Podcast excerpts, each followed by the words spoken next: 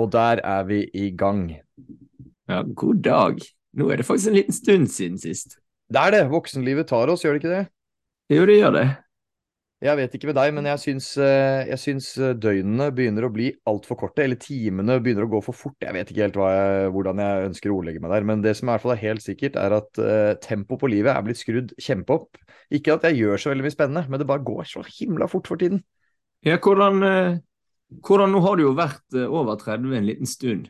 Hvordan har det, vært, har det vært annerledes? Er det forskjellig? For jeg ser liksom jeg ser de grå hårene nærme seg. Jeg, liksom, jeg, fant, jeg fant, fantomser grå hår uten at jeg har funnet noe helt ennå. Ja, Nå trodde jeg du bare mente at det var jeg som kom nærmere og nærmere kamera, for uh, grå hår har jeg med meg i hvert fall. så ser du litt sånn mer vondt i ryggen, tar litt lengre tid. Så det gruer meg til, plutselig hvis det blir et sånt knekk idet du runder 30. Det er det jeg har hørt av noen. Men jeg skal være helt ærlig med deg. Jeg, jeg vet ikke hvor mange unge lyttere som hører på dette, men det er jo ja, Det er kanskje boring å si disse tingene, for alle vet jo. Men man er jo ikke udødelig, og det er så utrolig tydelig når man bikker eh, si 25, 26, 27, da, at man begynner å bli man, Ting skranter mer. Der jeg får vondt, der er det vondt for alltid. Det går ikke over. Så nå driver jeg på en måte bare og aksepterer at det er litt vondt i en tå, jeg har litt eh, vondt i en albue. Men mest av alt så opplever jeg det at dagene bare suser av gårde. Du står opp, og så plutselig er det kveld. Nei, Det var jo fryktelig mørkt. Men uh, altså, liv, livet er fint, det, altså. Men det går så sinnssykt fort. Men vi vet at hvis du trener eh, knallhardt to ganger i døgnet og sover i tolv timer og spiser bare sunne, kjipe ting, ikke sant, så kan mm. du holde ut til du blir sånn 6-37 før du begynner å skrante. Det har jeg sett på Ronaldo på TV. Så. Og shit, så verdt det er, ikke sant? det kan jo være et tips til de unge, da. Det er jo bare å ta, ta etter han. Så kommer det litt seinere. Og vips ender opp i Saudi-Arabia. da Ja, nei, det er jo litt moralske kvaler der, men du kan jo få mye penger. Det kan du. Og uh, apropos moral, så skal vi jo uh, i poden i dag innom kanskje det som jeg mener er kanskje det tristeste temaet om mennesket vi har hatt om i denne podkasten. Det er litt sånn, jeg vil ikke si det er en spesial, men det er litt sånn annerledes episode i dag på mange måter. Vi kan jo kalle den nitrist spesial, hvis vi skal Ja, jo, vi kan jo det. Og samtidig kanskje den viktigste. Det kan vi jo se når vi er ferdig med å prate om uh, denne personen. Men uh, da jeg satt og gjorde litt research i denne episoden, så innså jeg at uh, dagens podkast kan nok bli litt trist på sett og vis. For det, det er vanskelig å skulle hva skal jeg si, tulle og fjase for mye med en person og et tema som dette. Og derfor så blir den mer enn noen gang kanskje en episode som blir viktig først og fremst for å forstå krigens brutalitet og ofrene for nazistenes grusomme ideologi. Jeg vet ikke, Har du gjort deg opp noen tanker om dagens eh, podkast? Har du tenkt litt på det i forkant? Ja, jeg har det. For vi har jo tatt et standpunkt at vi ikke skal ha om de aller, aller verste. Nå må du jo på en måte snakke om hva de gjorde. Og jeg syns det er greit på en helt annen måte, for det må man. Man må snakke om de kjipeste tingene og de verste verste greiene i menneskets historie. Selv om man mm. ikke trenger å lage noe Hitler spesial, på en måte. For det har jo vi tenkt at det, det, det er nok av podder som lager om fra før, og det er ikke noe vi har lyst til å vie tid til. Nei. Men da må du jo ta heller den, den triste taken på noe sånt som dette. Og ja, jeg har jo tenkt litt på For jeg skal lage kåring denne gangen. Skal, hvordan skal man gjøre det? Skal man la det være lettbeint, eller skal man Ja, jeg vet ikke.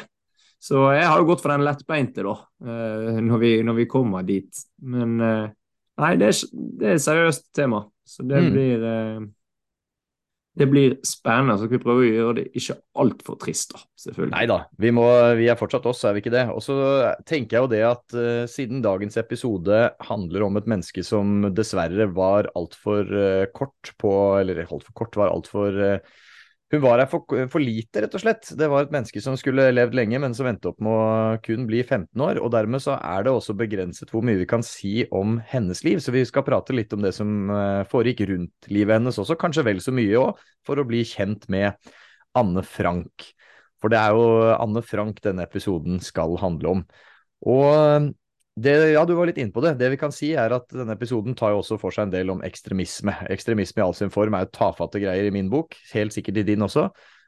Men eh, ja, kanskje så kan eh, dagens episode om eh, Anne Frank altså være med på Kanskje vekke noe, jeg vet ikke. En, noen, en, episode som kanskje får deg til å tenke litt ekstra, eller som i alle fall får deg til å våkne litt igjen når du kanskje har begynt å tenke at eh, nazistene er litt på vei ut, for det er de jo definitivt ikke, hvis vi ser på dagens uh, litt skumle politiske situasjon. Det er noen mange fascister der ute, i hvert fall. Det er det. Vi får se hvor det bærer. But why some say the moon? Why choose this as our goal? And they may well ask, why climb the highest mountain? It's gonna be legend. Why, 35 years ago, fly the Atlantic? Wait for it. We choose to go to the moon. We choose to go to the moon in this decade and do the other things. Not because they are easy, but because they are Legendary. Legender lever lenger. En podkast om bemerkelsesverdige enkeltmennesker som har skilt seg ut fra massene og satt sitt preg på historien. I hver episode tar vi her for oss en kjent skikkelse, levende eller død, som ved hjelp av sitt imponerende mot, fysiske talent, skarpe hjerne og eller rene tilfeldigheter har oppnådd en form for legendestatus. Denne gangen kanskje en som ikke har gjort noen av delene, men som likevel har blitt en legende. Anne Frank, dagbokforfatter og et symbol på holocausts grusomheter. Aller først før vi begynner, har du lest Anne Franks dagbok? Nei, det har jeg eh, dessverre ikke. Eh, det er jo en sånn ting jeg tenker at jeg skal få gjort en eller annen gang, men eh, Mm. det har ikke jeg gjort. Det, jeg var glad for å høre det, fordi jeg innså da jeg skulle lage denne episoden at eh, jeg kanskje var den eneste i Norge som ikke hadde lest den. For hver gang jeg prater om Anne Frank med noen, så sier alle ja, men leste du ikke den på ungdomsskolen, eller hadde du ikke den på videregående, eller Og så blir jeg sittende og nei, jeg spilte football manager på videregående, jeg. Og så innså jeg at nei, vet du hva, jeg har faktisk aldri lest den. Jeg har jo hørt om Anne Frank, jeg vet litt om hvor hun var fra og alt det der, men jeg har aldri lest boken. Det har endret seg litt mens jeg jobbet med denne, episoden. Jeg har lest litt i den. Den ligger tilgjengelig på Nasjonalbibliotekets nettsider, så du kan bla i den i et deilig digitalt format. Ganske interessante greier. Jeg har riktignok ikke lest den fra perm til perm, så jeg skal ikke skryte på meg å være noen ekspert der. Så det jeg skal prate med i dag, er egentlig hentet fra mye av det som eh, finnes av kilder rundt Anne Frank, da. Og selvfølgelig er jo mye av det basert på denne dagboken som vi skal komme tilbake til. Men ok. Vi skal til 1929, og vi skal til Frankfurt, byen kjent for pølser og finans i våre dager. Og du trenger jo ikke være Drillo for å vite at Frankfurt ligger i Tyskland. Og eh, på denne tiden så er jo Tyskland en stat man gjerne kjenner som Weimar-republikken, fram til eh, ca. 1933, og en viss kar med bart ved navn Adolf Hitler. Og det er relativt kjipe forhold i Tyskland på denne tiden. De hadde tapt den første verdenskrig bare ja, hva blir det, elleve år tidligere. Og det er høy arbeidsledighet. arbeidsledighet. Det er en god del tyskere som rett og slett har dårlig råd, og det er dårlige fremtidsutsikter. Og i tillegg så er mange rett og slett forbanna over den situasjonen landet er i. De er litt ydmyket, rett og slett, etter nederlaget i første verdenskrig, og opplever at de har blitt urettferdig behandlet. Og eh, vi kan vel si at dette er rett og slett ikke de tyske glansdager, hvis vi skal si det på den måten. Og dette er jo gjerne grunnlaget for generelt ugne politiske situasjoner når det går dårlig i et land. Ja, det er vel mye, mye konspirasjonsteorier òg ute og går der, og oh, ja, ja, ja. forskjellige anklager mot uh, både den ene og andre politisk korrekte politikeren, og jøder og kommunister og det som skulle være. Så det er jo et uh, ja, det er jo en bombe av et politisk eh, landskap som ligger Mm. og ulmer i de årene fram til, fram til nazistene tar makten. Det er det, og dette, hva skal vi si, dette, denne mellomkrigstiden, eller det, nesten det sånn vakuumet som, eh, som denne perioden er, er jo preget av generelt misnøye og vanskelige tider for den gjengse tysker, og det gjelder jo egentlig nesten i alle, eh, i alle ender av skalaen, for det er på en måte sånn, de som har mye, de har det jo for så vidt alltid greit, men det ulmer egentlig i alle ender her, og det gjelder også for resten av Europa. Da. Det er på en måte, det er steile politiske fronter med det radikale venstre på én side og det radikale høyre på den andre siden, og så er det liksom ingen som klarer å få helt taket på dette. Men likevel så er det her Anne Frank, eller eh, Anelies Marie Frank, kommer til verden den 12. juni. Og hennes foreldre Edith og Otto Heinrich Frank de hadde allerede datteren Margot fra før, og Anne ble derfor lillesøster i eh, familien. I utgangspunktet så var det lite som var uvanlig med den gjengen her, utover at de var en del av en minoritet, og da skal vi jo selvfølgelig til jødene. Og de var visstnok relativt progressive og liberale jøder, og foreldrene var beleste. De jobbet tidlig med å lære disse døtrene verdien av litteratur og kunnskap. Men så er det jo den tid man er født inn i, da. Noen ganger så trekker du et eh, kjipt lodd når det kommer til når i historien du er født. Jeg vet ikke hvilke epoker og tider som er best, men eh, dette er definitivt ikke blant dem, vil jeg tro. Og spesielt, og det å være jøde i Europa og Tyskland på slutten av 20-tallet, det var ikke gullbilletten til et enkelt liv, eller det skulle i hvert fall ikke bli. Og Vi snakket jo litt om Adolf Hitler, da. Og i 1930, vi må trekke det litt tilbake til historiepensumet på ungdomsskolen her. For i 1930 så var arbeidsledigheten i Tyskland på rundt 15% Det er høyt. Og når ting går dårlig, og som vi også husker at det bor jo mange mennesker i Tyskland, og når ting går dårlig, så trekker altså folk mot radikale løsninger. Ofte så er det sånn. Både venstre- og høyresidens ytterfløyer de fikk eh, større oppslutning. Og NSDAP, eller det vi kjenner som nazipartiet, for å gjøre det enkelt, ble nest størst ved valget. Og I 32 så fikk de nesten fire av ti stemmer, og Hitler blir en fyr da det, som det er, det er rett og slett umulig å unngå han. Plutselig så er han en fyr å regne med i politikken. Litt sånn som vi til dels kan se i dag med enkelte partier som skys som pesten, og så plutselig må du bare forholde deg til at de er valgt inn av relativt mange mennesker. Og i 33 så får han makten. Han blir fører, og dermed så er jo denne Weimar-republikken som Tyskland på mange måter blir kalt, slutt, og en ny fæl fase er i anmarsj. Og det er jo denne perioden her vi Du nevnte jo litt før vi begynte å spille inn pod i dag, dette er jo den der perioden av historien som absolutt alle mennesker er interessert i, enten du er historiker eller ei, men vi skal jo etter hvert opp mot andre verdenskrig. Og jeg vet ikke, Er det, er det ditt favorittemne innenfor historie? Nei, jeg er ikke noe sånn andre verdenskrig-spesialist på noen måte. Men det jeg har eh, oppdaget, er jo at eh, av folk som ikke har uh, godt historie, altså lekhistorikere eller hobby, uh, hobbyfolk, så er det de kan, det er andre verdenskrig. Og mm. da kan de det steike godt. Ah, ja, ja, ja. Det ser man jo egentlig bare på, de, på markedet med bøker og filmer som handler om den krigen. Dette her, det tror jeg det, det området i, i historien som er best dekket, egentlig. Absolutt. Av, av noe. Folk mm. er virkelig, virkelig flinke. Så Som historiker så kan jeg jo absolutt en del, men det er ja, mange, mange, folk som ikke har historiemaster, som kan mer enn meg om andre verdenskrig, i hvert fall. Ja, men det er det, i samme båt. Tror ikke fordi at jeg kan så spesielt lite, men det er fordi at nivået er skyhøyt på, på andre verdenskrig. Det er godt sagt. Så hvis du sitter og hører på denne podkasten og kjenner at du hytter med neven og blir forbanna over eventuelle småfeil eller tolkninger vi kommer med, så får du bare bite tennene sammen og stå i det. Vi er fortsatt glad for at du hører på podden. så er det jo sånn at, ja, og så er det jo sånn at de fleste, som du sier, vet jo en del om Hitler og hans gjeng. Og likevel så føler jeg at vi må forstå dem litt før vi fortsetter om Anne Frank. For Hitler og nazistene la oss ta et lite lynkurs, var styrt av ideer om at enkelte raser og mennesker var mer verdt enn andre. I dag eh, vil vi jo sette på folk med dette synet som klinke rasister, noe de også var. Og jødene var jo strengt tatt på bunnen i dette hierarkiet, sammen med ja, da, sorte og romfolk. Ja. Noe sånt noe. Og ja, det er et helt grusomt menneskesyn. Det er ikke egentlig noe vits å nyansere det noe mer, så enkelt er det. Og når denne gjengen plutselig får sjefen sin som øverste leder i Tyskland, så er jo dette naturligvis et stort problem for folk som tilhører de folkegruppene nazistene så ned på. Og dette skjønner jo også familien Frank. For eh, Otto, altså faren i familien, han får en mulighet til å starte en bedrift i Amsterdam i Nederland, og så at det beste trekket nok var å flytte familien ut av et stadig mer autoritært Tyskland. Jeg må, jeg må, bare stoppe der. Det er en ting man det er gjentatt til det uendelige. Men bare tenk over det en gang til. Hvor sinnssyk er det ikke at en fyr og et parti med det der på partiprogrammet faktisk tar makten, og det er via demokratiet? Det er ikke De prøver vel på et statskupp eh, på 20-tallet, og det funker jo ikke. Men nå kommer de inn faktisk ja, ja. med stemmene i ryggen. Så da er det da er det i hvert fall en betydelig del av den tyske befolkningen som, som er enig i dette her. Hvor sinnssykt er ikke det?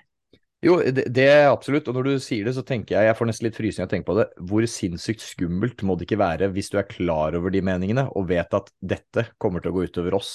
En ja, så ser du at så du... mange ser litt, ser litt, mellom fingrene og tenker ja, ja. at ja, når han kommer til makten, så gjør han egentlig ikke noe mot jødene. Ja, er, og det er det jo sagt i det uendelige, men du og jeg lever i det vi i hvert fall føler er et relativt trygt samfunn. Jeg kan nesten ikke se for meg hvordan det måtte vært dersom vi bare visste at nå kan denne naboen egentlig sitter og plotter noe skikkelig ekkelt med oss, eller mot oss. Ja, vi, får, uh, vi får trøste oss med at uh, både både Rødt og Frp er, er veldig veldig hyggelige på faktisk alle vis, sammenlignet Vi med, med dem. disse folka her. Vi tar dem hver dag i uka framfor disse. Og det er jo viktig å si, dette er ekstreme folk. Dette er på ytterpunktene av ytterpunktene, og det er viktig å vite. Ja, og Men- disse gruppene er heldigvis så marginale at, eh, Ja, kan navnet på de partiene som er i Norge med dette her, men det fins jo, jo noe lite. Ikke minst det du sier der, de representerer jo ikke flertallet. Det som i hvert fall er sikkert, er at han får et tilbud om å starte en bedrift i Amsterdam. og så var Det var litt vanskelig for meg å finne ut akkurat det her, om det var det at han får et tilbud om å flytte til Amsterdam for å starte bedrift, eller om han gjør det først og fremst fordi at han ønsker å flytte familien unna. Om det er det ene eller det andre som kommer først, kan man jo lure på. Eh, Men ut ifra det jeg har forstått, så skjønner Otto Frank ganske kjapt at her er det lurt å begynne å tenke annerledes. Og det som eh, skjer med jødene i Tyskland på denne tiden, det er jo dessverre, kan man si, ikke noe nytt. Det er jo kjent at jødene de har blitt utsatt for forfølgelser, hets og andre grusomheter i store deler av denne religionens eksistens, omtrent siden den sikkert oppsto på jorda, og omtrent hvert eneste hjørne av verden der det har eksistert jøder, har, har folk gjort det de kan for å gjøre det kjipt for dem. Og nazistene de føyer seg jo inn i rekken av folk som har vært med på å tråkke på dem og utsette dem for eh, relativt kjipe regler og en del andre lover som vanlige folk slapp å forholde seg til. Og det kan på sikt bli farlig, og det skjønner jo naturligvis også familien Frank. Og i en alder av kun fire så flytter Anne etter resten av familien, som i tur og orden allerede har etablert seg i Amsterdam. Og der får de en leilighet på et sted som heter Merwede Plain, som er sånn jeg tror man uttaler nederlandske navn. Og dette følger jo en trend for flere tusener, altså hundretusener av jøder som, eh, som familien Frank hadde allerede trukket seg ut av Tyskland og sett seg ut nye bosteder i retning av nabolandene. Slik som f.eks. Nederland etter at Hitler eh, gjorde sitt inntog i Tyskland. Og familien var derfor en av flere jødiske familier som da hadde etablert seg på nytt i Amsterdam. De var ikke, de var ikke alene i det. Og i Amsterdam så skulle Otto lage pektin. Det visste ikke jeg hva var før jeg leste om det, visste du? Eller vet du? Nei, ingen aning. Nei, og du kommer ikke til å trenge den opplysningen heller, men det jeg fant ut var at det er stoff som skal brukes til å lage syltetøy. Så, Så hvis noen av våre lyttere visste det nå, så kan de ta seg en klapp på skulderen. ja, eller så er det en eller annen biokjemiker som sier pektin skal ikke brukes til å lage syltetøy, det er også Ja, men i hvert fall pektin. I hvert fall pektin. Det er i hvert fall, så vidt jeg har forstått, et stoff han skulle produsere i firmaet sitt. Og det som skjer, er at Anne begynner på skole. øh, Hun lærer språket, blir integrert i det nederlandske samfunnet, flytter dit jo relativt ung. og Nå er det jo sannsynligvis ikke enorme kulturelle forskjeller mellom Nederland og Tyskland heller, vil jeg tro. Men eh, likevel så er jo det å flytte til et nytt land krevende, og det vil, jeg i hvert fall tro at det er det. Og... det er jo forskjellige språk òg. Der det Ja, ene er, ja. Det er det er spist og litt eh, grovt, så er jo det andre nederlandsk. Og det er jo enda spissere og grovere enn tysk. Ja, og veldig, veldig morsomt å høre på. Det, Men, er, eh, det er verdens sykeste språk. I hvert fall Vestens sykeste språk. Det er det 100 Men i hvert fall så går det går litt trått i starten for eh, Frank-familien. For eh, den eh, pektin-businessen hans går ikke superbra i starten. Han forsøker å utvide bedriften til England uten at han får suksess der. Men likevel så går det greit for resten av familien. Anne får seg venner, hun blir etter sigende en svært dyktig elev på denne Montessori-skolen som hun går på. Montessori-skoler er jo en skole med en annen type pedagogikk enn det du finner på vanlige ungdomsskoler og er videregående skoler. veldig mye mer selvdrevet. selvdrevet. Så eh, hun gjør det stort sett greit, og det virker som hun eh, har kommet seg godt inn i det nederlandske samfunnet. Men så er det jo denne krigen, da. Hensikten med å forlate Tyskland, det forstår vi jo selvsagt, men i ettertid, det er selvfølgelig alltid veldig lett å se ting i ettertid, så er det jo klart at det kanskje ikke var langt nok. For eh, de av dere som lytter på nå, husker pensum fra tiden på skolen, eller generelt, som de du nevnte i stad, vet litt om verdens største væpnede konflikt, så vet man jo at andre verdenskrig starter offisielt ved Tysklands invasjon av Polen 1.9.1939. Og tysk blitskrig det overkjører det polske forsvaret, og etter relativt kort tid så er jo det tyske riket allerede blitt utvidet betraktelig. Det er jo ikke det det første steget på å utvide tyske riket. Vi har jo noen ganske kjipe eksempler på land som gis bort til tyskerne i håp om at det skal være fred og fordragelighet i Europa, uten at det fungerte spesielt godt. Og det er som jeg sier, nå må du bare chippe inn med ekstra krigsopplysninger og anekdoter her hvis du sitter på kontoret. Du tok jo en uh, indirekte shout-out til Neville Chamberlain der. Ja, jeg gjorde det. Britiske statsministeren som eh, snakker om fred i vår tid, og at nå har de kommet fram til en enighet. Bare, bare Tyskland fikk en del av uh, Tsjekkoslovakia.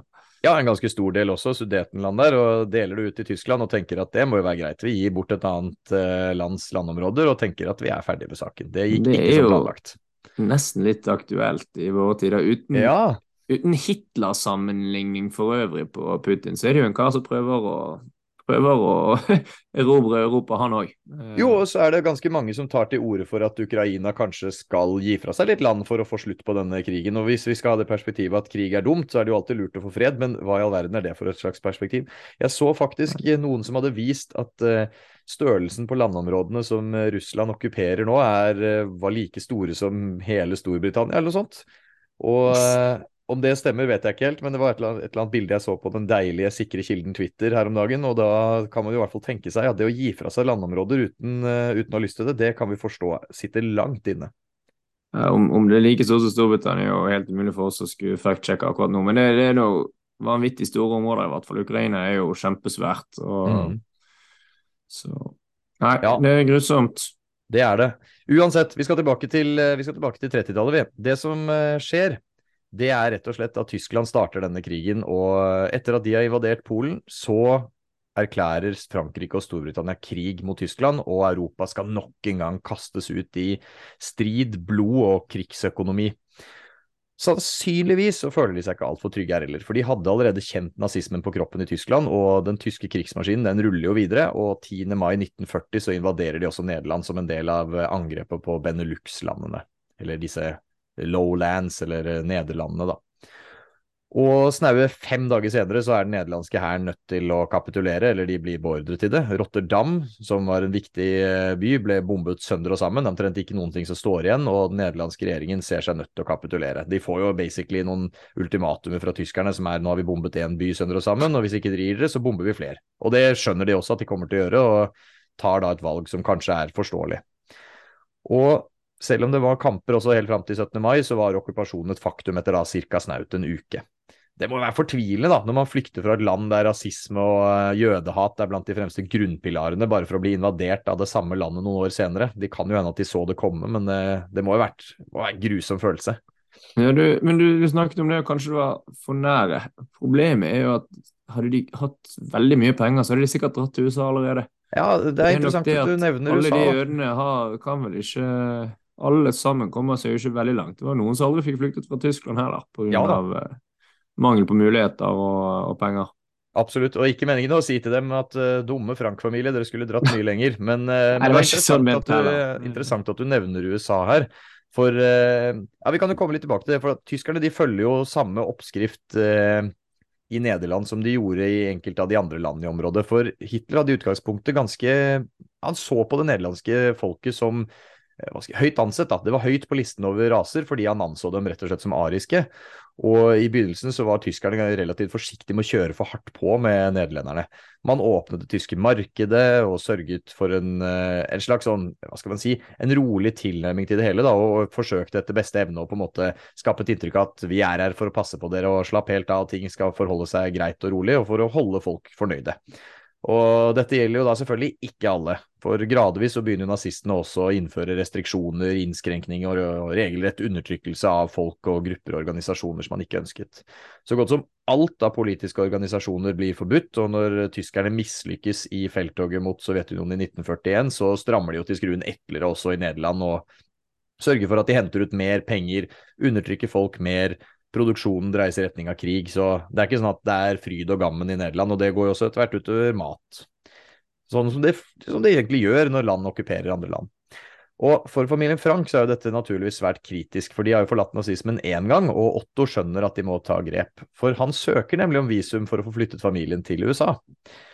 Og Ja. på dette tidspunktet så må jo det ha føltes kanskje som det eneste reelle, trygge alternativet for jøder i Europa, det å komme seg til Nord-Amerika. Da har du et helt hav mellom deg og Europa, bokstavelig talt. Men dessverre for Frank-familien, og dette er jo tragedie når du ser det i ettertid, så ender det med at søknaden deres bokstavelig talt går opp i røyk fordi det amerikanske konsulatet blir bombet under angrepet mot Rotterdam. Og dermed så forsvinner også papirene, og dermed er de også stuck i det naziokkuperte Nederland. Ja, det er, eh, sånn kan skjebnen være noen ganger. Den kan være stygg. De skal nå ha at de prøvde. Det skal de ha for. Men dette er jo en historie om Anne Frank, og kanskje vel så mye om jødeforfølgelsen også, for jødene de blir trykket ned på dette tidspunktet. Det er ikke lov til å gå på kino, det er ikke lov til å besøke parker, det er begrensninger på hva slags eh, butikker de kan handle i, det er gule stjerner. eh, egne skoler. Og Anne, som hadde etablert seg som uh, elev på Fortell, denne uh, fortell kort hva de gule stjernene var for noe. Ja, uh, gule stjerner, ja. Det er jo eh, Hvis man har sett i noen bilder fra historieboken, så har man helt sikkert sett bilder av disse gule davidsstjernene som, som man rett og slett måtte bære dersom man var jøde, og det står vel også jode på dem, for å rett og slett bare vise Mm. alle og enhver at her går det en jøde, noe som er nedverdigende i seg selv, å bli pekt ut for, på bakgrunn av tro eller etnisitet, men eh, også selvfølgelig var en måte å ha kontroll på den jødiske befolkning på. Så eh, ja, nok et av de fæle grepene som nazistene tok under andre verdenskrig. Det er jo forferdelig. Du er markert sånn at ja, han her er greit å være kjip med for Ja. alle og enhver. Det- Rett og slett. Og, og i tillegg så har de jo det at de begynner med denne segregeringen. Da. For Anne, som hadde etablert seg som elev på denne Montessori-skolen, hun blir flyttet til en nyopprettet jødisk skole. Og det er rett og slett mørke tider. Men i 1942 så får 13 år gamle Anne en gave som gjør at denne podkastepisoden eksisterer. I hvert fall så tror jeg det er grunnen til at vi snakker om den, og det er at hun får en skrivebok. Hun kaller den for Kitty, og bestemmer seg rett og slett for å bruke den som dagbok. Og Kitty blir da navnet hun bruker når hun skriver i dagboken, så hun starter dagbokinnleggene med dator og skriver 'Kjære Kitty'. Og det er denne dagboken som danner grunnlaget for Anne Franks navn den dag i dag, tror jeg, og gir oss et verdifullt innblikk i livet til en ung jøde under nazistene. Det kan godt hende at vi hadde fått høre om henne ellers òg, men her er det jo da denne dagboken som sørger for at vi får et, veldig mange tanker om hva en ung jente kan ha kjent og opplevd under andre verdenskrig. Ja, Vi hadde definitivt ikke, ikke hørt om henne uten den boken. Og det hun blir, med at hun faktisk skriver i denne dagboken hele veien, er jo et symbol på alle de tusenvis av andre 15 år gamle jentene og 15 år gamle guttene og ungene som blir drept av uh, naziriket Mm. eh, i holocaust. Så det, hun blir jo et symbol på egentlig en hel generasjon av uh, tapte unge jøder og svarte og romfolk som levde i Europa på den tiden.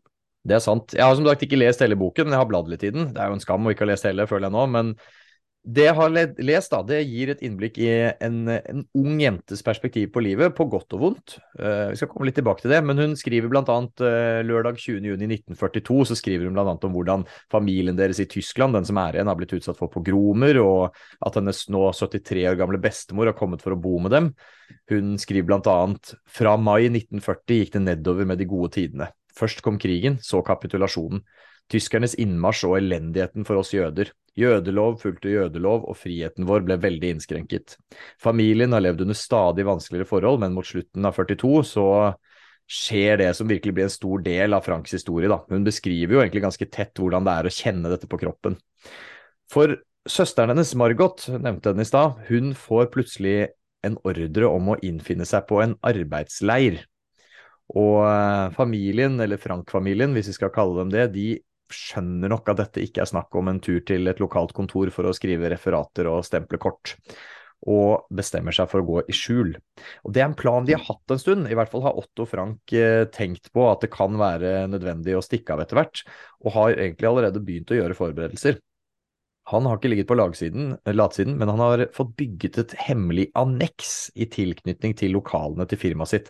Her er det litt sånn hva man skal kalle det. da. Det blir kalt eh, anneks på engelsk, men så blir det på en måte kalt et slags bakhus. Altså, det det i hvert fall er, er et, eh, et slags hus eller et anneks tilknytta til kontorene til bedriften han eier, skjult som en slags treetasjers bolig. På eh, nettsiden til Anne Frank-huset så er det mulig å se en digital fremstilling av det. Jeg må innrømme at uh, jeg tenkte først hæ, hvordan i all verden er det mulig at dette var så skjult? Men det skal visstnok, og det skriver hun også om i dagboken, vært umulig å se for seg at det lå tre etasjer med skjult byggmasse bak dette, uh, bak dette kontoret, da. Og Otto Frank han har jo forstått at trusselen fra nazistene nå utgjør en fare som potensielt kan bli skjebnesvanger for familien, og bruker derfor tid på å få ordnet dette rommet. Planen det er, uh, nå som denne innkallingen har kommet, å flytte hele familien inn i dette bygget og rett og slett fjerne dem fra Amsterdam, få dem til å gå under jorden. Det skal de gjøre ved å samle sammen ting eh, over en viss periode og etterlate leiligheten sin som et rot, sånn at det skal se ut som de har stukket av i all hast og gjerne dratt til et annet land. Jeg mener det var, Ja. tror det var Sveits eller et eller annet. De i hvert fall ga uttrykk for at de hadde dratt et annet sted. Og Anne beskriver det også i dagboken. Hun skriver at det er trangt bygg gjemt bak en dør med en bokhylle som skjuler hele inngangen. Og selv så skriver hun at det ville vært umulig å gjette at det gjemmer seg slike små rom bak kontorene til bedriften. Og ideen det var at de ansatte som Otto hadde tillit til, skulle hjelpe dem, sørge for at de fikk eh, nødvendige nyheter, eh, tilgang på radio og mat mens de gjemte seg i skjulestedet sitt. Og Det var en ganske intens følelse, for du overlater jo skjebnen din i hendene til andre mennesker, og du skal bo supertrangt, sikkert frykte for livet hver eneste dag og være livredd for hver eneste lyd du lager. Og det er jo her vi får dette innblikket i eh, en ung jentes opplevelser. Da. Anne beskriver det i dagboken hvordan opplevelsen er, og hvis man blar litt i den, så får man et ganske interessant inntrykk av, eh, av hvordan det oppleves å bo så klaustrofobisk og tett. Hun beskriver bl.a. moren sin i ganske negative ordelag, og først så tenker man når man leser at jøss, er hun ikke litt kjip, er hun ikke litt hard? Men så begynner man å tenke, hvordan hadde man selv vært hvis man var 13 år gammel og måtte bo sammen med hele familien din tett på, et sted der du ikke har noen andre ting å ta deg til enn uh, å sove, spise, gå på do og kanskje skrive litt? Du var sikkert ikke god mat heller, du får Nei, sannsynligvis ikke. Vi kan jo snakke litt om det òg. Men hun skriver i hvert fall i november 1942 så skriver hun bl.a. om hvordan hun mener at søsteren blir behandlet bedre enn henne, og at hun ikke lenger orker å holde ut morens slurv, kulde og sarkastiske bemerkninger, og går til og med så langt som til å skrive at hun ikke lenger anser henne som sin egen mor. Oi. Men for å gi litt kontekst her igjen, da. Det er jo ikke meningen å sitte og svartmale Anne Frank her. Hvilke tenåringer hadde ikke blitt gal av sin egen mor hvis man hadde bodd for tett oppå henne hver eneste dag inne i et lite trangt rom? Det er jo nettopp det som du sier i stad alle tenåringer er sånn som dette. Alle tenåringer krangler med søsteren sin eller moren sin eller faren sin eller hva det måtte være, og alle disse tenåringene kommer til å kjenne på at de har dårlig samvittighet for det, som også ja, og, ikke bare, og ikke bare tenåringene, de voksne òg. Altså, alt ja, ja, må jo være Det er så kjip stemning der inne at, eh, at det går noen kule, kule varmt, i tillegg til skuling og sikkert unødvendige kommentarer hele veien, men det, det blir vel veldig fort sånn hvis du bor trangt på noen. Det tror jeg du har helt rett i. Uten noen muligheter for å få ut utløp for, for verken frustrasjon eller noe som helst annet. Og hun beklager seg etter hvert i boken også, det er ikke slik at hun slakter dem og lar det stå. Men boken er likevel et innblikk i hvordan man tenker som ung, da. For hun beskriver jo blant annet eh, indre tanker som drømmer, fremtidsutsikter. Beskriver også de liksom faktiske tingene, at nå skjer det, nå er vi redde for det, vi hørte på radio da. Eh, så ja, men livet er jo i hvert fall intenst, det kan vi jo forstå at det å bo så tett sammen, det, det krever noe av deg. Og så blir det enda mer intenst, for Frank-familien de slipper i tillegg inn fire personer til. En av dem det er den 16 år gamle Peter, som er en del av en familie som de tar inn. Som Anne etter hvert får sitt første kyss av. Hun beskriver ham annet også hvordan det er med følelser, det å snakke med faren sin om seksualitet inn i denne verdenen som hun på en måte må forholde seg til. Og eh, i tillegg så sier det seg selv at dette blir jo et krevende liv. Hun må dele rom med en voksen mann tannlegen Erik Pfeffer bl.a., og forholdet til flere av dem er ganske krevende etter hvert. Samtidig så bruker hun tiden sin på skrivingen, som er det som gjør at vi blir kjent med henne. Hun skriver små fortellinger, hun begynner på en roman og forsøker å fortsette skolegangen etter beste evne. Blant annet så tar også søsteren hennes et korrespondansekurs gjennom en av disse hjelperne som jobber i bedriften. Og Samtidig så viser også denne dagboken hennes nære forhold til menneskene rundt seg. Det er ikke bare kritikk, hun eh, beskriver disse nære samtalene med faren, søsteren og moren. og og gir oss et slags sånn innenfraperspektiv på livet under krigen for mennesker helt nederst på nazistenes rangstige. Og livet i dette annekset, det er eh, en hverdag eller et liv som er nøye planlagt. For eh, på denne nettsiden til Anne Frank-huset, det er jo museet, så beskriver de også hvordan man er nødt til å leve når man bor i skjul inni dette annekset. Hentet ut fra eh, vitner og Anne Franks beskrivelser. Da. For hverdagen, den er rutinepreget. De våkner til fastsatte tider. Først er det én familie som våkner, så våkner de neste, slik at alle kan rullere på å få brukt badet og doen. Og de står opp, forsøker å være så stille som mulig, for det er nemlig ikke sånn at alle som jobber i dette firmaet er med på denne skjulingen, hvis man kan kunne kalle det det. Så de er nødt til å unngå å lage lyd. For først kommer en del arbeidere på plass, og de holder på nedi lokalene, og da er de nødt til å være stille. Og så kommer resten av de ansatte, deriblant de fire da, som er med på dette opplegget, og som de da kan tillate seg å kunne lage litt mer lyd, fordi det er også mer folk i lokalet. De går ut på sokker. De kunne lage lyd mens hele kontoret var i sving, altså ikke altfor mye, men liksom De måtte, de måtte være nødt Altså, en viss form for uh, forsiktighet var de uansett nødt til å forholde seg til, da.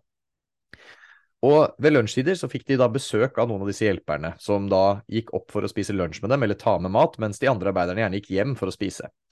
Og de fulgte fastsatte rutiner helt til alle de satt gått hjem, og de kunne bruke resten av bygget. Så når alle arbeiderne hadde dratt hjem, da kunne de ta i bruk hele bygningen. Resten av tiden, da, når det er på dagtid, så kunne de ha vinduer som kunne se ut, men de måtte ha blendegardiner på om natten, som eh, ganske mange måtte under andre verdenskrig. Og samtidig så er det sånn Dette høres ut som en grei, en grei nok hverdag, bortsett fra at den er utrolig, utrolig rutinepreget. Men de har i tillegg faste dager for alt det andre kjipe som gjøres òg, nemlig søndagene. For de ble brukt til husarbeid og vask og stell og alt det som måtte gjøres av den typen uh, opplegg. Og som tenåring så beskriver Anne det som en helt grusom dag, der hun virkelig kjenner det presset det er å bo innestengt. De får jo ikke slippe ut, de har ikke mulighet til å komme seg ut i frisk luft slik alle normale mennesker har et behov eh, for å gjøre. jeg, jeg er ikke noen type som uh, trenger å være ute og gå fjellturer hver dag. Jeg kan kose meg mange timer i sofaen, men jeg tror jeg hadde blitt gal hvis jeg hadde visst at muligheten til å forlate min egen bolig ikke var der. Det blir jo litt som å sitte i fengsel. Ja, det, det blir jo verre enn fengsel. ja, måter. eller det. Du vet at uh, faren ved å komme ut er større enn å være der inne.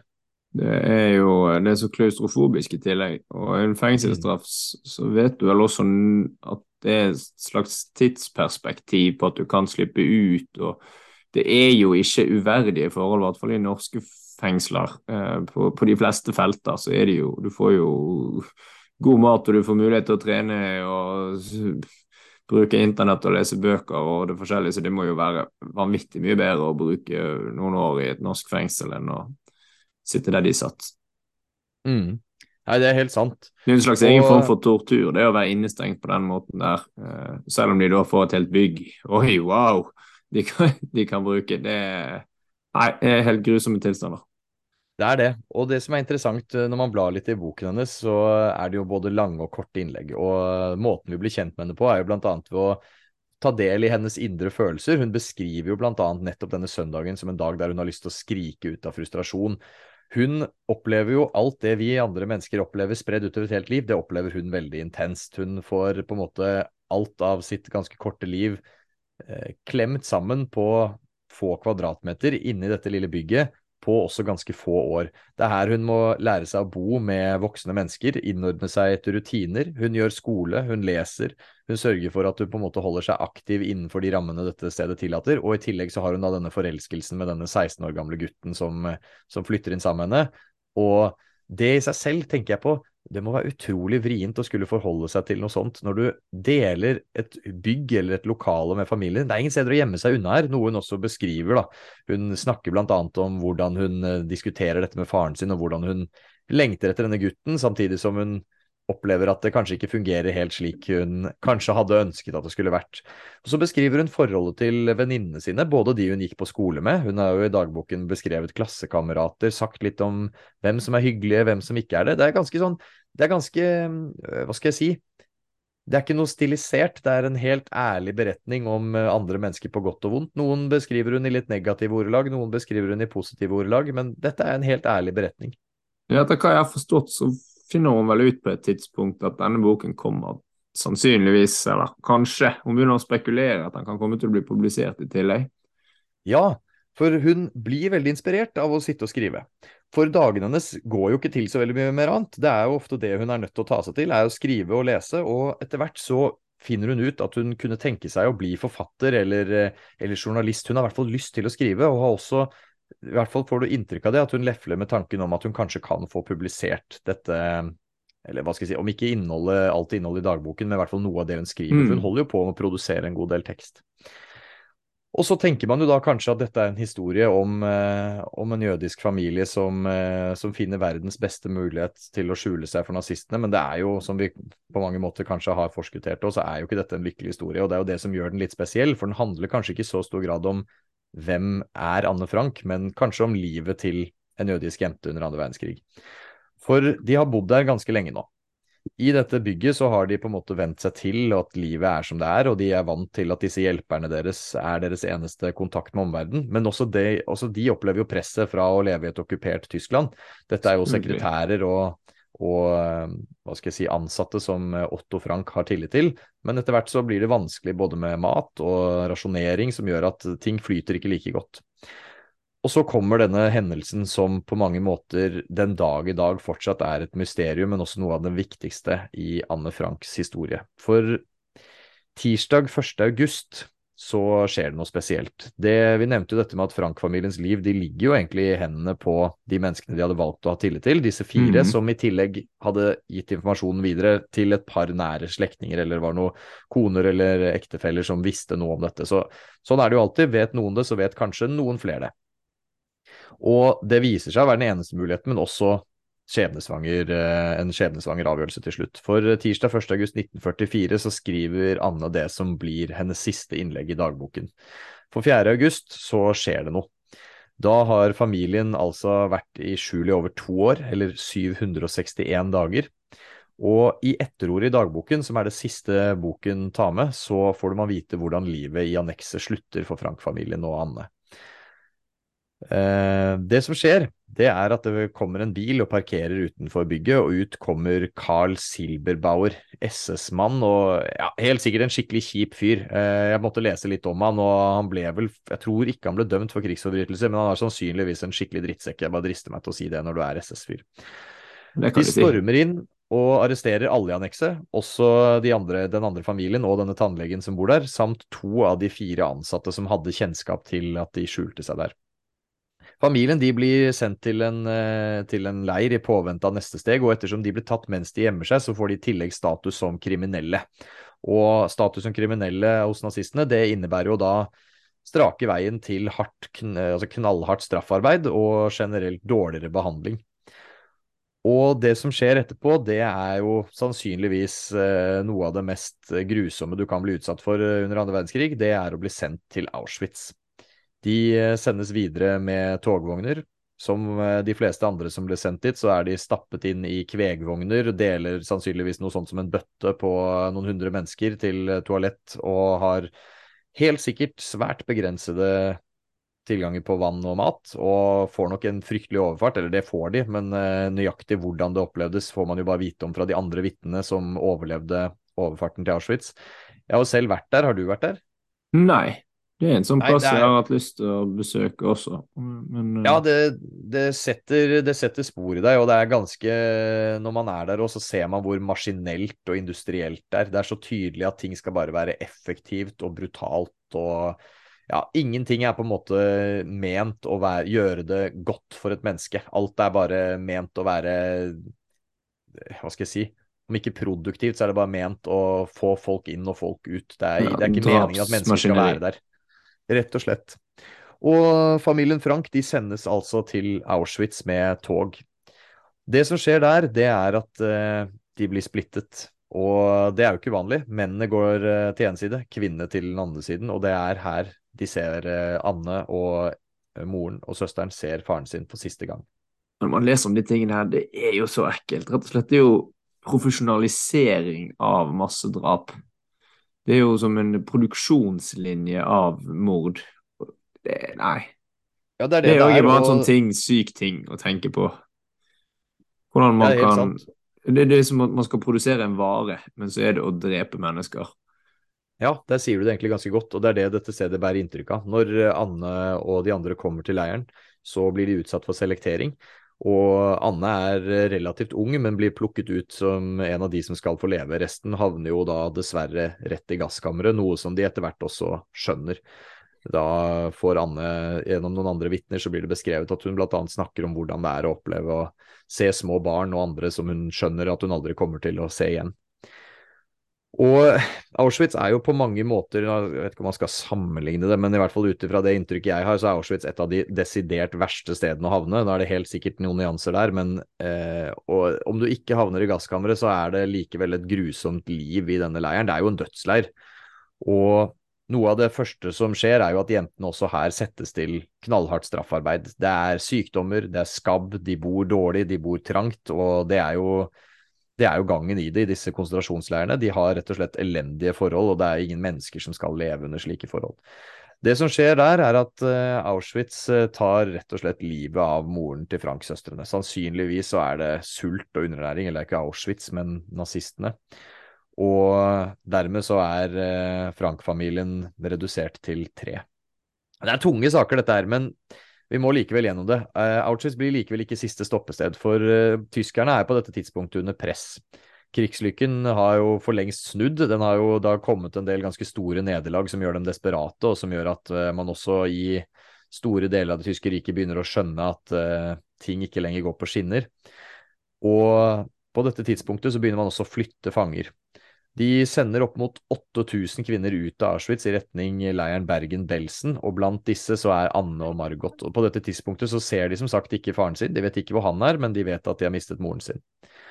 Og på dette tidspunktet så er Anne, som de fleste andre jødiske fanger i Auschwitz, eh, rett og slett på felgen.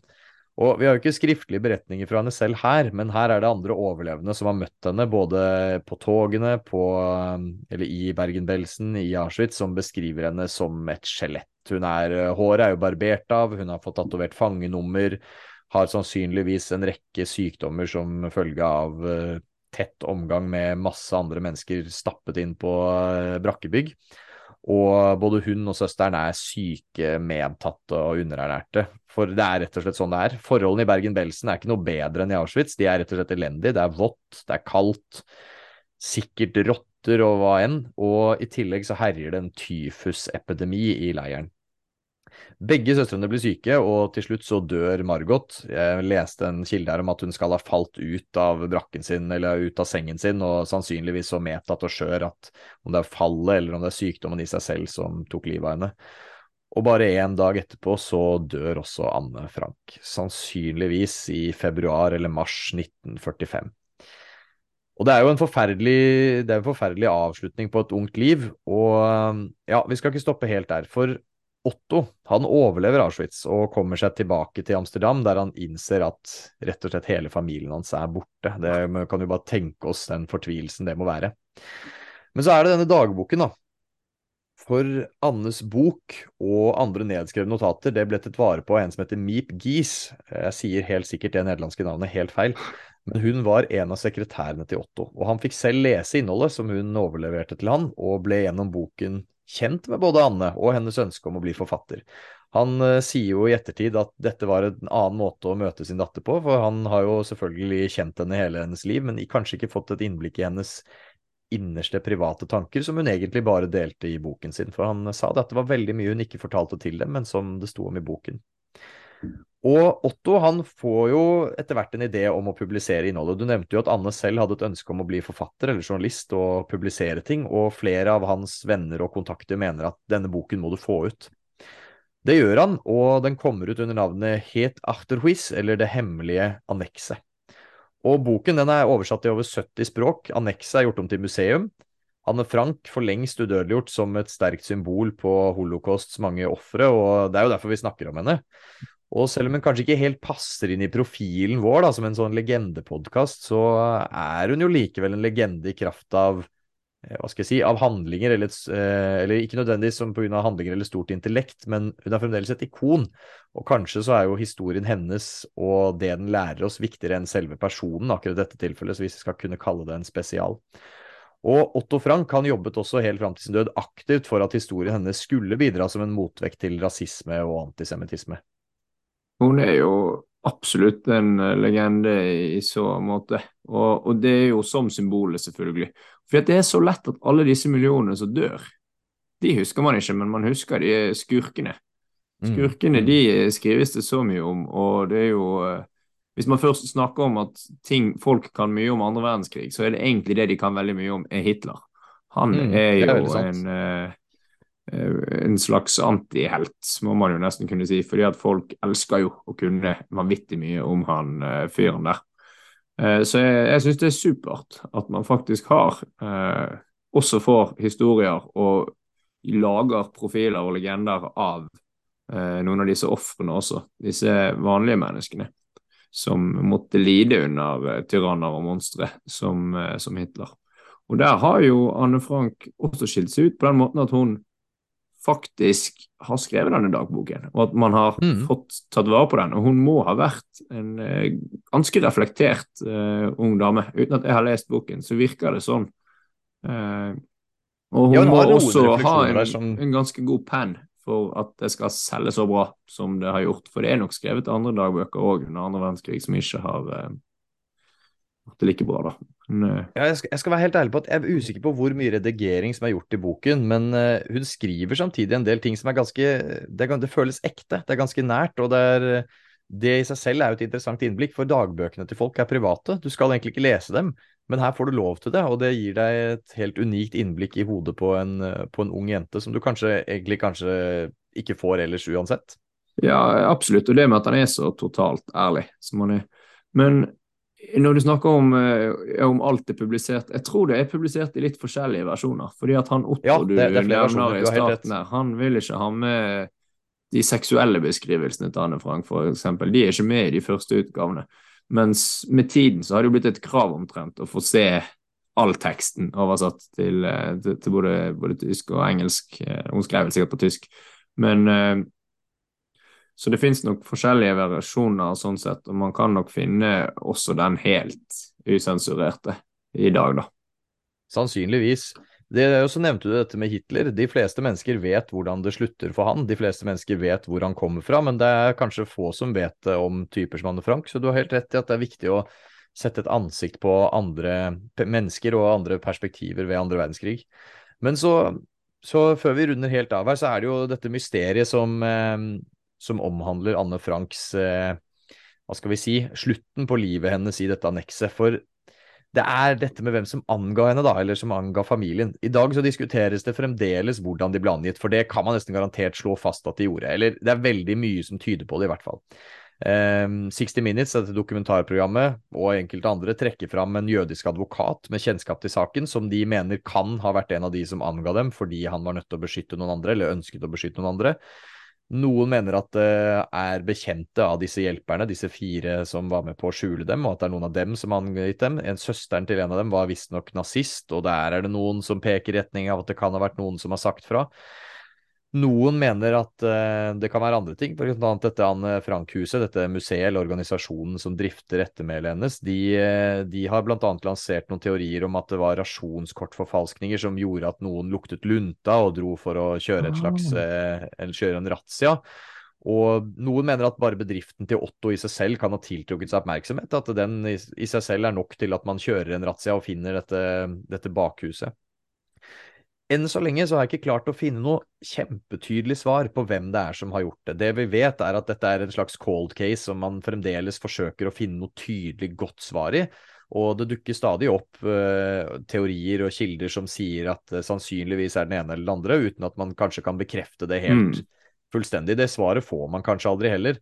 Men det som er sikkert, er at det blir en tragisk slutt på denne unge jentas liv. Det er jo ikke så voldsomt lenge før krigen slutter heller. Det spørs jo litt på perspektiv, selvfølgelig, at de blir tatt, og heller ikke så veldig lenge før eh, britene frigjør Bergen-Belsen, at disse jentene dessverre mister livet i eh, konsentrasjonsleiren. Det som er sikkert, er at Anne Frank, selv om hun eh, fikk et kort liv, bare ble 15 år gammel, så blir hun aldri glemt. Og det er jo derfor vi trekker henne fram i dagens episode. Og har du ikke hørt om Anne Frank, så kan det godt hende at du i likhet med meg kommer til å ta en tur innom eh, enten eh, ditt lokale bibliotek eller nettbiblioteket og få lest litt i Anne Franks dagbok, for det tror jeg kan være nyttig for mange og enhver. Og med det, Tore, så er jeg spent på å se om du kan eh, ta oss inn i listenes verden. Jeg vet ikke om den er lystig eller trist, eller hva slags tema du har valgt å gå til her, men jeg er i hvert fall spent på å høre. Ja, jeg tror jeg nevnte, jeg nevnte kjapt i introen at jeg ikke At jeg gikk for en litt, eh, litt mer eh, litt mer lystig, kan du si, liste. Jeg ble litt betenkt på det òg, fordi at når vi har hatt et så dystert eh, tema, så er det jo kjedelig å komme med en helt useriøs liste på slutten. For det er virkelig en helt useriøs liste som har kalt fri og frank kåring. Men har nå konkludert med at nå har vi hørt gjennom noe, hørt gjennom noe veldig trist, men viktig. Da kan vi godt avslutte på en, eh, på en litt, mer, eh, litt mer lystig eh, vis, da. Høres Så- bra ut. Så det med honorable mentions så blir det egentlig nesten bare en liste av eh, eh, folk som heter Frank på en eller annen måte. Eh, Der jeg har liksom tatt fram mine favoritt-Franker, da. Eh, Så Jeg kommer, jeg kommer på én som heter Frank, men jeg er veldig usikker på om vedkommende passer inn i din favorittliste. du, du, får, eh, du får gjerne komme med dine favoritt-Franker til slutt, når du nå har hørt også noen honorable mentions. Så jeg har ikke tatt med alle folk jeg vet som heter eh, noe på Frank, da. Det skal vel godt gjøres. Førstemann som nevnes, det er da eh, Frankenstein. Ja. som absolutt har Frank i navnet sitt, men eh, det blir bare en honorable mention, fordi at jeg, i likhet med denne dagboken til Anne Frank, så har jeg heller ikke lest boken Frankenstein. Uh, men, det tror jeg eh, de færreste har, for å være helt ærlig. men det monsteret er jo i hvert fall blitt en, eh, en kultfigur som går igjen i x antall tegnefilmer, og ja, det er en kul kultfigur. Definitivt. Fortsetter med Franklin Delano Roosevelt, eh, Ja. og det er jo kanskje min eh, yndlingspresident i USA, i hvert fall den jeg mener har gjort en eh, best jobb der borte, med både uh, ja, både med New Deal og innsatsen under andre verdenskrig. Eh, og når vi er på Franklin, så kan jo skilpadden også nevnes, bare for å ha med et lystig lite innslag. Da- husker han som kan knytte sine sko Franklin til to? kunne gange med to og knytte sine sko. Ja, det han kunne, ja. Så må vi ha en, eh, en tradisjonell Frank. Da går vi for popartisten Frank Ocean. Har laget mye Ja, kule sanger og kan nevnes som en honorable mentions her. Eh, tvillingparet, holder jeg nesten på å si. Litt eh, Kanskje de mest eh, random folka på denne listen her. Noen av de siste honorable mentions før vi går inn på selve topp tre. Det er navnetvillingparet Thomas Frank. Fotballtreneren som trener Brentford, som har gjort en Ja, han ja, solid jobb, denne dansken. Og ja, rett og slett stilig å se hva de får til med en klubb med så uh, små midler. Og det er jo Moneyball i, i fotball. Hans navnebror det er jo Thomas Frank, den eh, politiske kommentatoren. Han er jo amerikansk og har skrevet What's the Matter with Kansas, som er en sånn politisk eh, nerdebok som eh, framspår egentlig denne eh, høyrepopulistiske bølgen okay. som har kommet. Og den skrev han allerede i 2004. Så han eh, har blitt en slags eh, kult I hvert fall boken hans er blitt en slags kultbok for eh, politiske nerder, da. Frank Sinatra var nærmeste mann å komme inn på eh, listen, og jeg kan vel garantere at det kommer en, eh, en egen episode om Frank Sinatra før eller siden. Definitivt. Eh, det må det gjøre. En mann med mye historier, mye svin på skogen, og har rett og slett mye legendariske øyeblikk og greier. Denne, denne popsangeren og skuespilleren. Tredjeplass Frank Aarebrot. Mann uten fot, eh, men med en eh, ja, gudegitt formidlingsevne. Har man sett han live, så eh, ja, han er rett og slett utrolig dyktig å formidle eh, historie, da. Så som historiker, så eh, ja. Og som bergenser. Ja, jeg så, skulle eh, si det. Du måtte vel få slengt inn at Franken er bergenser her. Ja, Frank, han eh, Frank Aarbrot, han må være med. Andreplass. Da får jeg sikkert litt sånn Ikke alle som vet hvem det er, kanskje, og jeg kanskje får noen oppgitt eh, Oppgitt eh, Ja, jeg skal ikke si blikk når man hører på radioen, men dette er jo min fri og frank kåring, og der må vi ha Game of Thrones-skuespilleren Frank Wam. Bedre kjent fra Klovn, der han eh, er hovedrollen. Ja, ja, ja, stemmer det. Han er jo en av disse folkene i Oldtown, han. ja, ja, ja, han er så fin. Husker du da Og, du så eh, den episoden og Frank Wam dukket opp? Ja, det var noe av det jeg så fram til, for jeg visste jo at han skulle være med. Jeg så Game of Thrones altfor seint. Jeg satt og ventet jeg, på han i episodevis. Ja, det er, det er helt nydelig. Han er selvfølgelig eh, mest på listen fordi at klovn er noe av det beste norsk eh, nor Nordisk, det er ikke norsk, det er dansk. Noe av det beste nordiske komedier som finnes, om det er serien eller denne, denne legendariske filmen, da. Det har vel kommet noen til, men eh, nei, fantastisk, eh, fantastisk humor. Førsteplass, enda flere oppgitte blikk eller lyttere, eller hva man skal si. Klarer du å tippe? Frank Løke. Du vet jo hvilke fotballag jeg heier på. Nei, det er ufint. Jeg bare tuller, jeg bare tuller med deg, selvfølgelig. Uh, nei, hvem skal dette være, da? Han er kanskje ikke tidenes eh, manager, men en fryktelig god fotballspiller fra mitt kjære Chelsea, Frank Lampard. Ja, Lampard. Lampard, selvfølgelig. 211 mål i alle turneringer for Chelsea. Tidenes mestskårende midtbanespiller i Premier League. Verdens nest beste fotballspiller kåret i 2005.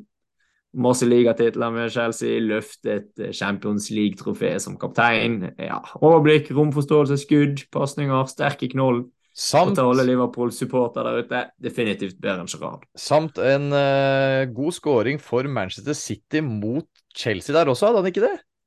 Jo, det var absurde greier. Nå satt jeg og heiet liksom på, på, på at Lampard skulle skåre mål mot Chelsea, og det var litt merkelig.